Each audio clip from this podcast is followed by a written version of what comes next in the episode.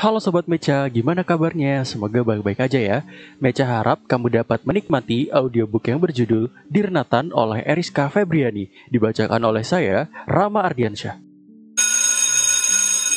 Mampus deh gue. Cewek itu menepuk jidatnya begitu melihat gerbang sekolah sudah ditutup. Lantas melirik jam mungil yang melingkar di pergelangan tangan. Sudah telat 15 menit. Mungkin bagi murid lain, terlambat adalah sesuatu hal yang biasa. Tapi bersatu murid pindahan yang baru bersekolah selama satu minggu kemudian dapat masalah, sepertinya akan menjadi masalah yang besar. Shh. Salma tersentak kaget mendengar desisan seseorang dan otomatis menolehkan kepala saat mencium aroma rokok yang menyengat di dekatnya. Dia menarik tubuhnya dua langkah menjauh lantaran melihat seorang cowok berpenampilan urakan yang ada di sebelahnya.